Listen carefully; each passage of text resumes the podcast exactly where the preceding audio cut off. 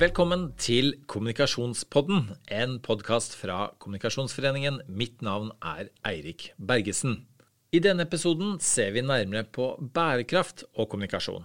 Folk sier de gjerne vil ta mer bærekraftige valg, men sier de ikke har nok informasjon til å gjøre det. Hvem har ansvaret, og hva kan kommunikasjon gjøre med det? Vi får gode råd fra Beate Nossum, som leder Footprint, og snakker med Johanne Kjus, bærekraftansvarlig i Orkla Foods, om hvordan de jobber for å få folk til å handle bærekraftig. Velkommen inn i studio, Beate Nossum. Tusen takk. Du er leder i Footprint. Dere er et konsulent- og kommunikasjonsbyrå innen bærekraftig omstilling. Eh, og så jeg går rett på, jeg. Altså, I Opinion i sommer, i deres undersøkelse om forbruker og bærekraft, så sier åtte av ti at de ønsker å leve mer bærekraftig. Det er jo en bra ting. Det er en bra ting. og samtidig så sier syv av ti at de klarer ikke engang å navngi en bærekraftig bedrift. Og det tyder på at vi har en vei å gå før vi faktisk da klarer å leve bærekraftig. Ja, det, vi, det er jo det som gjør den tida er så utrolig spennende, og det er det som gjør at det er så sinnssykt spennende å jobbe med kommunikasjon nå. Fordi holdningene til klima og til det grønne skiftet ligger jo litt sånn forut for både politikken og for selskapene. Og de tallene du akkurat refererer til, viser jo hvilket enormt rom det egentlig finnes for de selskapene som våger å ta en posisjon på klima og, og omstilling. Og vi har jo en del tall fra USA og fra andre land nå som viser at de selskapene som si, aktivt satser og investerer i eh, varer og tjenester som på en eller annen måte er mer klimavennlige enn andre, har mye høyere lønnsomhet enn dem som ikke foretar det skillet. Men når det kommer til den kommunikasjonsbiten, så tror jeg fortsatt det er sånn at det er mange som opplever at det er vanskelig å skulle snakke for høyt eller for mye om klima og miljø, fordi man er fortsatt litt engstelig for at ved at du skryter veldig av det du gjør, så får du samtidig fokus på det du ikke gjør. Mm. Og så er det jo eh, både media og ja, du, eh, jeg, det er jo, finnes jo ikke noe kjedeligere enn å høre et selskap som snakker om hvor flink de er med. Så det handler jo om at man må rigge kommunikasjonen litt annerledes. At man må ta tak i de utfordringene de står overfor. At man må på en måte forstå hva de viktigste målgruppene eh, mener, tenke hvor de står. Og så forsøke å tilpasse kommunikasjonen til målgruppene sine, og ikke omvendt. Mm. Så det, er helt åpenbart at kommunikasjon kan eh, spille en rolle her for å hjelpe folk å ta mer bærekraftige valg, rett og slett. Erik, akkurat nå så er det jo kommunikasjon som er den store nøkkelen i det grønne skiftet. Ja. Fordi vi har jo alle teknologiene som trengs, egentlig. Eh, men vi har ikke politikken som behøves for å få til en raskere innfasing av de teknologiene. Eh, og der er kommunikasjon så viktig, ikke bare inn mot si, ulike markedsaktører, og ikke bare for dem som selger elbiler og, og, vegetarmat, men det er også veldig viktig med kommunikasjon for å få til et raskere si, politisk eh, skifte. Ja, fordi altså Forskerne, da, som vi har blitt flinke til å lytte til nå under koronaen, de sier jo at eh, ikke bare må vi ta veldig radikale og viktige valg der, men det også når det gjelder miljø. Det går altfor sakte. Eh, og på, på, hvilken måte kan kommunikasjon være en katalysator for å rett og slett også på, på, ta igjen den utviklingen som man, man, man trenger? Da, altså at man tar de valgene raskt nok med tanke på klima? Nei, jeg tror akkurat Det er så veldig mye som rører seg nå, og så er det det at vi er på vei inn i et tiår som er helt avgjørende. Og hvis vi på en måte tenker bakover til 1930-tallet, 1920-tallet, så er jo det et sånt tiår som vi snakker om med hva skal jeg si, eh, litt sånn frykt og angst fortsatt. Eh, og det var jo et tiår som på samme måte som 2020 2030-tallet, hvor man står foran mye politisk uro, store teknologiske omstillinger. Eh, og det vi så i, 20, unnskyld, i 1920, var jo at man tok mange strategisk feil veivalg, da. Uh, og jeg syns det var veldig spennende nå i, før korona, uh, bl.a. på NHO sin årskonferanse, hvor, hvor, de ikke bare sier at vi skal gjennom et grønt skifte, men hvor de sier at vi i industri og næringsliv, vi må tverrvende nå. Eh, og det som er utfordringa i dag, er jo at næringslivet er veldig opptatt av det her. Eh, norske toppledere er veldig opptatt av det her. Det fins ikke et styre i en bedrift som har et litt lengre enn kvartalsperspektiv, som ikke har det her øverst på agendaen. Eh, og, um, så det handler om på en måte å finne ut når er det man skal investere i nye varer og tjenester, når er det man skal tilby det, kontra når er det markedet er klart. Og der spiller kommunikasjon en utrolig viktig rolle. Uh, ikke bare ut mot liksom markedet, men også internt i selskapene. For det vi ofte ser, er at uh, den grønne omstillinga ofte enten er sånn toppdrevet, eller at det finnes en eller annen superentusiast som sitter et eller annet sted i, i, systemet og på en måte driver det rundt. Da. Og hvis jeg kan, siden jeg nå er så heldig å få være her hos Kommunikasjonsforeninga, ja. uh, kan få lov til å komme med en liten bønn. Ja, det kan du. Kan jeg? Ja. Det folder til og med hendene. Jeg ser du har det. Det, det her er alvor, altså. Det kan jeg verifisere til lytterne, at du sitter nå med foldede hender ja. og skal eh, komme med en bønn. Ja. Vær så god, Beate. Nei, for det er faktisk litt sånn, og det vet jeg jo, for at jeg er jo kommunikasjonsmenneske selv og kommer fra journalistikken. og mange av oss vi kan veldig mye om kommunikasjon, men vi er ikke alltid like sterke på fag. Og nå er det på en måte to ting som jeg opplever at vi som jobber med kommunikasjon må kunne mer om. Det ene er digitalisering som jeg ikke kan så veldig mye om. Det andre er det grønne skiftet, som, som, jeg kan veldig mye om. Og min bekymring er jo at når kommunikasjonsfolk ikke kan nok om grønn omstilling, ikke forstår kommunikasjonsdelene, én ting av det, men det er jo veldig tett knytta opp til forretningsplaner, investeringsplaner og den type ting.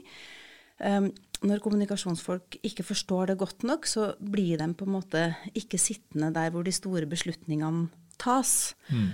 Og hvis man skal få til den raske omstillinga som vi trenger, så må kommunikasjon veldig tidlig eh, inn i beslutningsprosessene og kommunikasjonsprosessene. Så du egentlig sier nå er at kommunikatører kan ikke nok om miljø per i dag?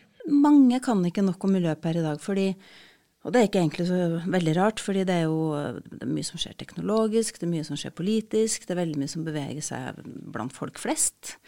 Så jeg tror det vi oppdager som hva skal jeg si, eksterne rådgivere, da, er jo at det er et sånn stort behov for vår kompetanse, bl.a. fordi at kommunikasjonsavdelingene ikke kan hva skal jeg si, gi dem den type faglige innspill eller forståelse for det grønne skiftet som det vi kan. Og det er ikke så rart, for vi er jo et veldig spissa byrå. Men jeg tror det hadde vært nyttig for mange selskap om kommunikasjonsfolk også kun mer om klima og omstilling eh, akkurat nå. Men ak akkurat det med Dette går litt på internkommunikasjon også.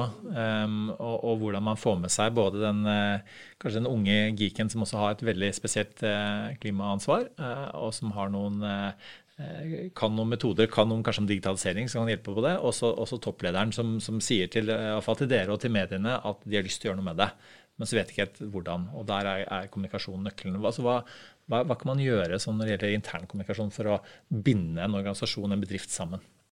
Nei, og det er, jo, det er, jo, nettopp derfor at kommunikasjon er så utrolig viktig. fordi Hvis ikke så klarer jo ikke verken topplederen eller geeken å få med seg de andre på det man trenger. Og, og det som jeg tror vi som jobber med kommunikasjon ofte undervurderer litt, og det må jeg bare innrømme at jeg gjør innimellom sjøl òg, er at det er jo ganske store omstillinger man skal gjennom.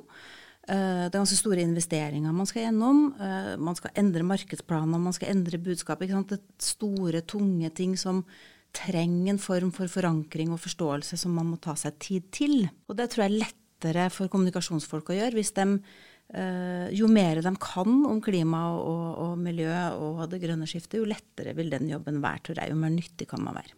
Samtidig så er dette et, et felt med, med mange buzzord. Eh, bærekraft i seg selv, dessverre må man stadig prøve å gi en fornyet kraft. Så har du det grønne skiftet, du har ESG eh, e som har kommet som et sånn begrep på, på bærekraft eh, i bedriftene. Som, eh, altså hvordan, måte, hvordan, navigerer man det for at folk ikke skal bli lei? At forbrukerne, de som skal på en måte være med og ta bærekraftige beslutninger, og som vi har hørt sliter med det.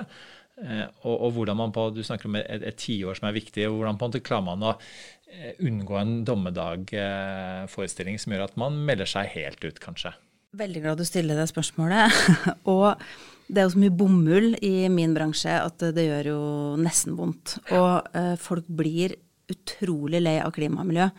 Det er jo en av de temaene som virkelig går i sånn bølgedaler. Eh, og det har de gjort i årevis, og det kommer til å fortsette å gjøre. Det som er sånn veldig, veldig viktig, er jo at omstillinga ikke sakker eh, tempo hver gang folk blir lei. Og derfor så er det utrolig viktig at man ikke snakker om klima og miljø hver gang man gjør noe som handler om klima og miljø. Det er veldig sjelden egentlig at vi ender opp med en kommunikasjonsstrategi hvor selskapet skal snakke om klima og miljø. For det er så mye annet det handler om. Det handler om hvordan man eh, kanskje endrer livsvanene sine. Det handler om hvordan man kommer seg til barnehagen. Det handler om hvordan man sparer penger. Det handler om hvordan man kommer i bedre fysisk form eller får bedre arbeidsmiljø. Eller det er et hav av andre ting som denne omstillinga fører med seg, som ligger mye tettere på livet til de du snakker med.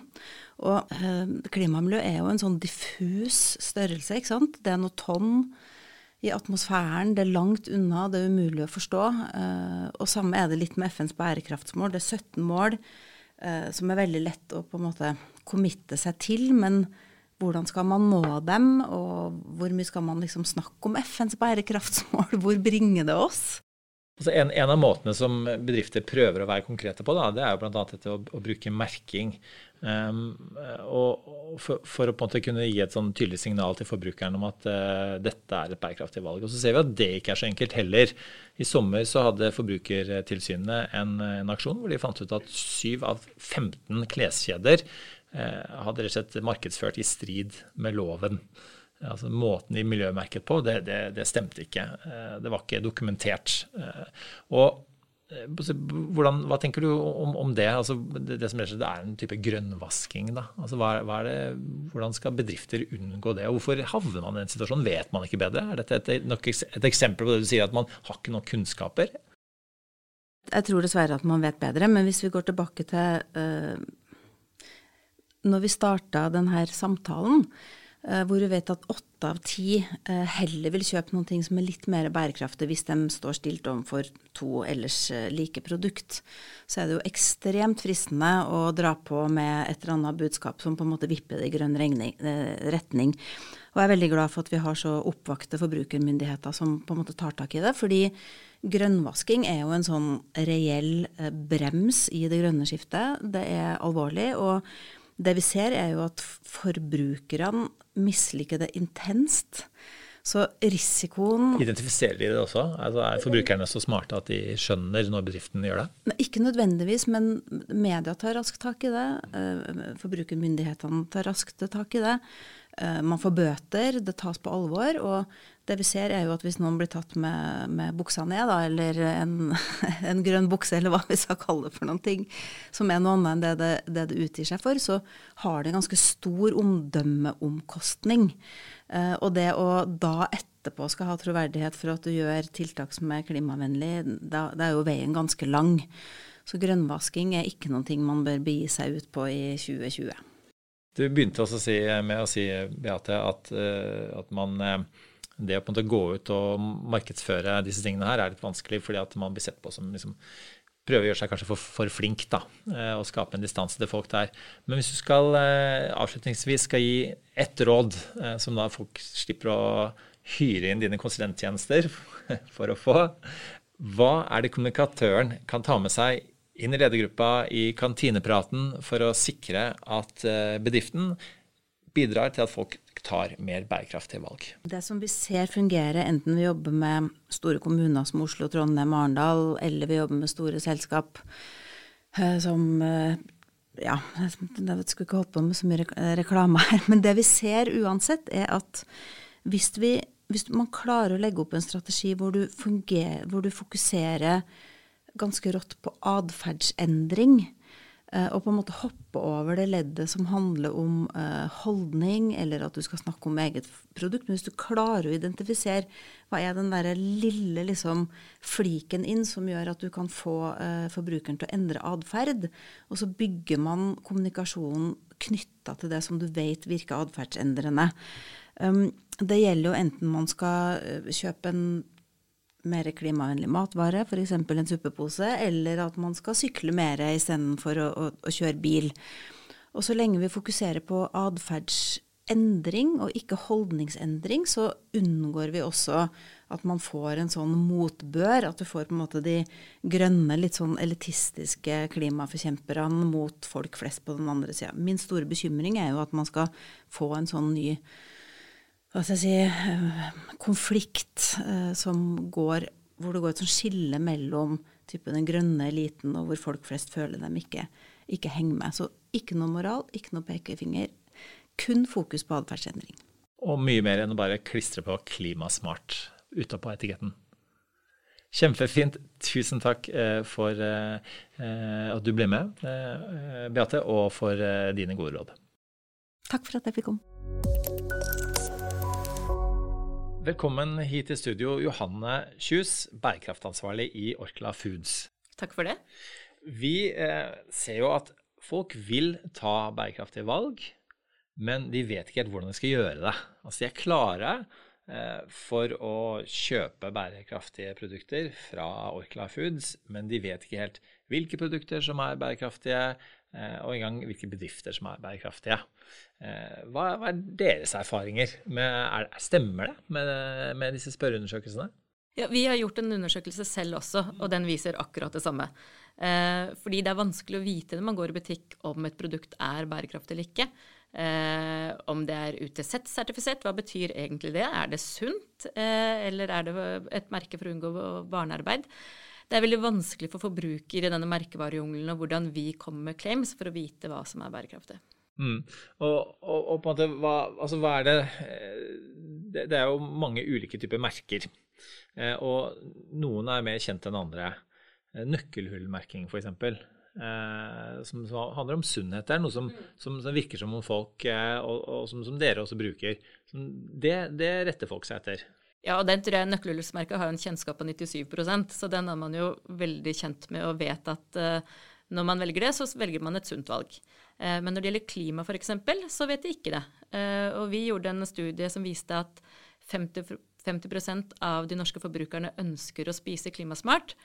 Men det er bare én av ti som vet hva som et klimavennlig produkt er når de går i butikken.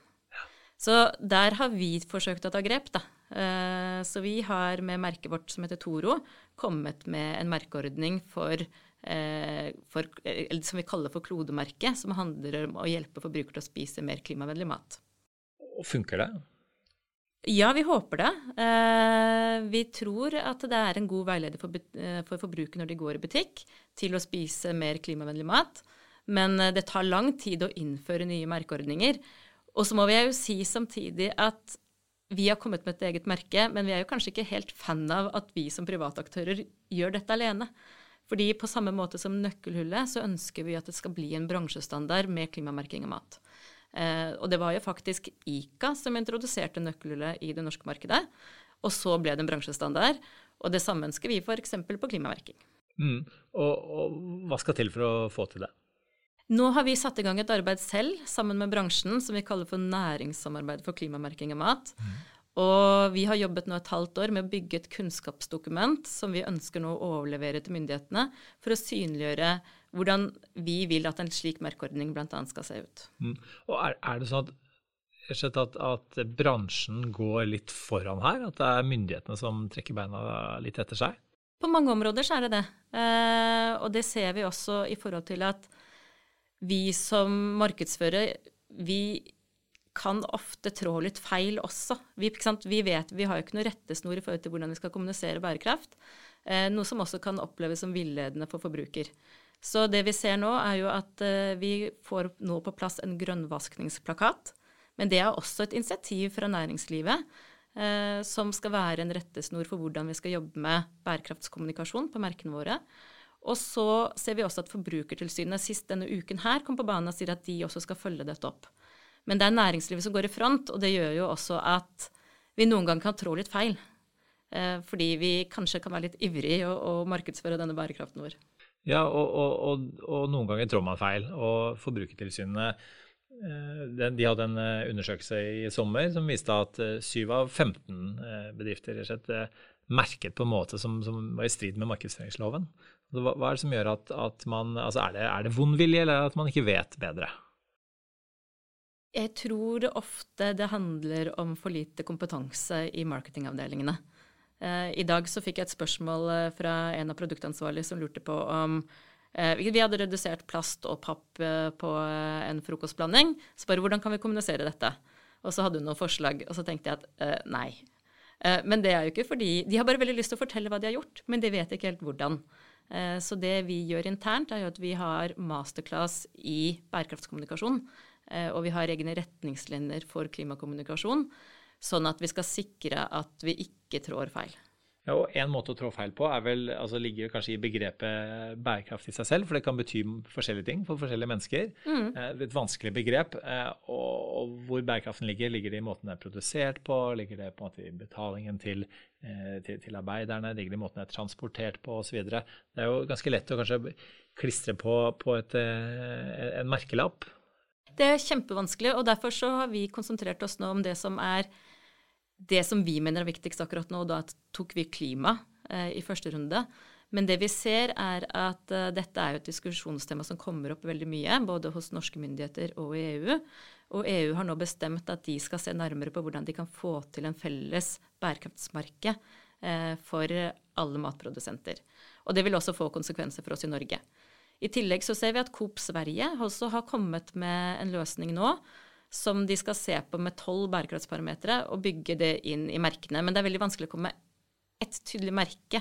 Eh, men du kan ta og skanne et produkt og få mer informasjon. Men eh, det er vanskelig å sette seg inn i alle bærekraftsparameterne med å bruke tre sekunder når du står i butikken og skal ta en kjøpsbeslutning.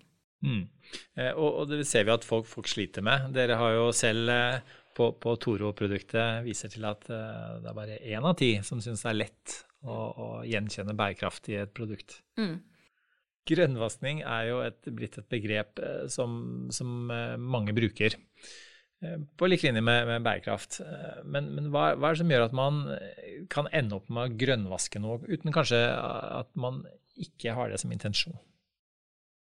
Fordi vi har, vi har jo ikke i dag noen retningslinjer for hvordan vi skal kommunisere. Um, og så, stort sett så handler det om litt lite kompetanse, og noen ganger så litt ivrig produktansvarlig. Um, stort sett. Jeg tror ikke det, det, er noen som har litt vond vilje eller ønsker å se bedre ut enn de er, men stort sett så er jo sant, alt er så transparent at uh, forbruker forstår jo med en gang om det er grønnvasking eller ikke. Så det handler jo om at man må bare være åpen og ærlig på hva man gjør, og så må man sikre at man ikke går i de fellene. Er det noe av forklaringen på at, at, eh, næringslivet ligger litt foran myndighetene her? At dere har eh, tettere kontakt med forbrukerne? At dere får veldig tydelige tilbakemeldinger eh, når dere trår feil? Det tror jeg. Eh, vi får, vi, får, mye tilbakemeldinger. Eh, både på klodemerket vårt og på alt annet vi gjør. Eh, hvorfor skriver vi på at den kan resirkuleres hvis ikke den kan det, f.eks., som handler om at det har vært endringer i, i forskrifter. Eh, så, så er, eh, vi har veldig tett kontakt med forbruker, eh, og det gjør også at vi prøver å, eller har en forståelse av hva de er opptatt av, i mye større grad kanskje enn myndighetene. Ja, og hvilke, hvordan, hvordan, gjør dere det i praksis? Hvilke, hvilke, hvordan henvender dere til forbrukere f.eks. For før dere lanserer et produkt? Ja, Hvis du tar et merke som vi nylig har lansert som heter Naturlig, som er et plantebasert merke, så har vi kontakt med uh, forbruker i hele dialogen ved, når vi jobber med utviklingen av produktet. Uh, vi har et eget uh, vegetarpanel med 600 deltakere, hvor vi kan teste ting. Både hvordan, hvilken tekst vi skal ha på produktene, og hva slags type produkter vi skal lansere. Og vi har også nå etablert en egen konseptkafé, Naturlig-kafeen vår, hvor vi møter forbruker hver dag, og vi kan spørre dem om det vi lurer på. Så når vi skal ha ny emballasje og ny tekst på den, så kan vi faktisk spørre hvordan tolker dere dette? Eh, synes dere dette er en god idé, eller synes dere ikke det er en god idé? Mm. Og, og, og, hvordan er det med eh, altså, eh, miljøaktivistene, de litt mer eh, bedre organiserte, som og, enten de er eh, en del av en organisasjon eller er såkalte enkeltpersoner som er influensere? Altså, hvordan jobber dere opp mot de? Vi jobber uh, veldig åpent og tett med dem alle sammen, både enkeltpersoner og organisasjonene og NGO-ene. Vi uh, involverer hele tiden i forhold til hvordan vi tenker. Eh, I forhold til f.eks. Når vi startet med klimamerkingen, så snakket vi med Fremtiden våre hender, WWF, også forbrukermyndighetene. Eh, og noen enkeltpersoner som vi vet har et sterkt engasjement rundt dette her. Sånn at vi, de i hvert fall, Det kan jo hende ikke de er enige med oss, men da er de i hvert fall informert på forhånd. Og det gjør også at de er mer åpne eh, og vet hva det handler om, er mer kunnskapsrike når vi kommer med våre lanseringer, f.eks.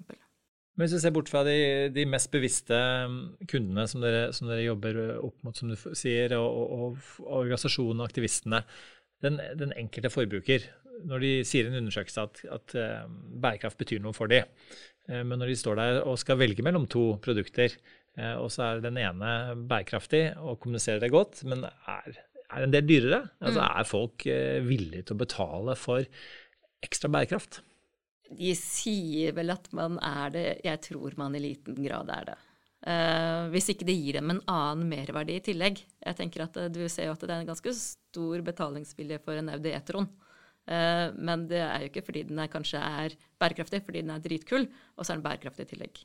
Klar-produktene våre også ser vi at man velger de fordi de ser bra ut og er bra produkter. Og så kommer det med bærekraft i tillegg. For det føles bra som de gir dem en god følelse, men de har ikke noen veldig høy betalingsvilje. Det har de ikke. Nei, så, så vi har kommet et stykke fra om man kjørte opp til livsfarlige små elbiler for å være bærekraftig, eh, og nå må de være driftssikre også, og drakk kaffe som smakte vondt fordi det tjente miljøet. Men, eh, men det koster fortsatt litt mer, gjerne med et bærekraftprodukt, fordi man skal forske, forske mer, og det ligger mer eh, teknologi bak. Mm.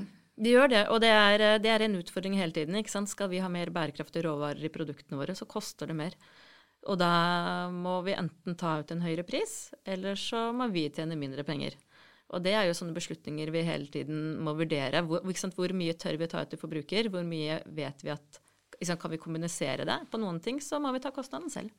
Og så ser vi at det er en del forskjeller på undersøkelsene. At uh, unge er veldig mye mer Eh, miljøbevisste, mer, mer opptatt av bærekraft, og tilsynelatende da ønsker å, å handle bærekraftig også, mens, mens, de som er litt eldre, ikke gjør det. Hvordan forholder dere til, til de som er vanskeligere eh, å dytte på? For det første, det som er litt interessant, er jo at det vi ser, er at de unge de leser i mye større grad på emballasjen enn de voksne eller de eldre. Eh, så de leser jo ingredienslister, og de forstår hva de ulike merkeordningene betyr, så de er veldig bevisste. Eh, det som er kult, er at de unge, i hvert fall så lenge de bor hjemme i husstanden, så er de med å bestemme hva foreldrene skal kjøpe. Så de har en stor innvirkning på eh, oss som foreldre. Og de siste, de som bor alene og er litt enda mer voksne enn det, de må vi bare eh, Vi kan ikke skite i dem, men vi må kommunisere på en annen måte. Eh, veldig enkelt og veldig intuitivt, fordi jeg tror ikke de helt tenker De har ikke på en måte samme kapasiteten til å sette seg inn i alle detaljene som de, den nysgjerrigheten som de unge har. Og der er vel kanskje der det, For å innføre enda et begrep, nudging, kommer inn. Hva innebærer egentlig det? Nudging er en, eh, en, form for dulting. Å dytte folk i riktig retning for å ta positive og gode valg. Og det er jo litt det vi tenker med klodemerket. Eh, at vi ikke lurer folk, men dytter dem litt sånn uh, enkelt og greit til å ta gode og klimavennlige valg. Så det er um, Vi har veldig tro på at uh, det å endre vaner er supervanskelig. Men hvis vi lover at det er like enkelt som før, for, uh, så tror jeg folk faktisk er villige til å bli dyttet i riktig retning. Men vi kan aldri bruke pekefinger. Da, om folk dyttes eh, bevisst eller ubevisst, så foregår det i hvert fall eh, et, et, litt nytt og, og, stadig mer bevisst arbeid rundt eh, bærekraft og kommunikasjon rundt omkring i norske bedriftene. Det er i hvert fall betryggende å høre. Så får vi se om det blir noen internasjonale merkeordninger på dette eller ikke. Tusen takk for at du kom til oss, Johanne. Takk for det. Dette var Kommunikasjonspodden. Mitt navn er Eirik Bergesen. I redaksjonen har vi Malin Sundby Revå og redaktør Mari Mellum. Tekniker er Anders Ringen. Podkasten er laget med støtte fra Fritt Ord. Takk for at du hørte på. Husk å abonnere. Vi høres igjen i neste episode. Du har hørt en podkast fra Kommunikasjonsforeningen. Les mer om oss på kommunikasjon.no.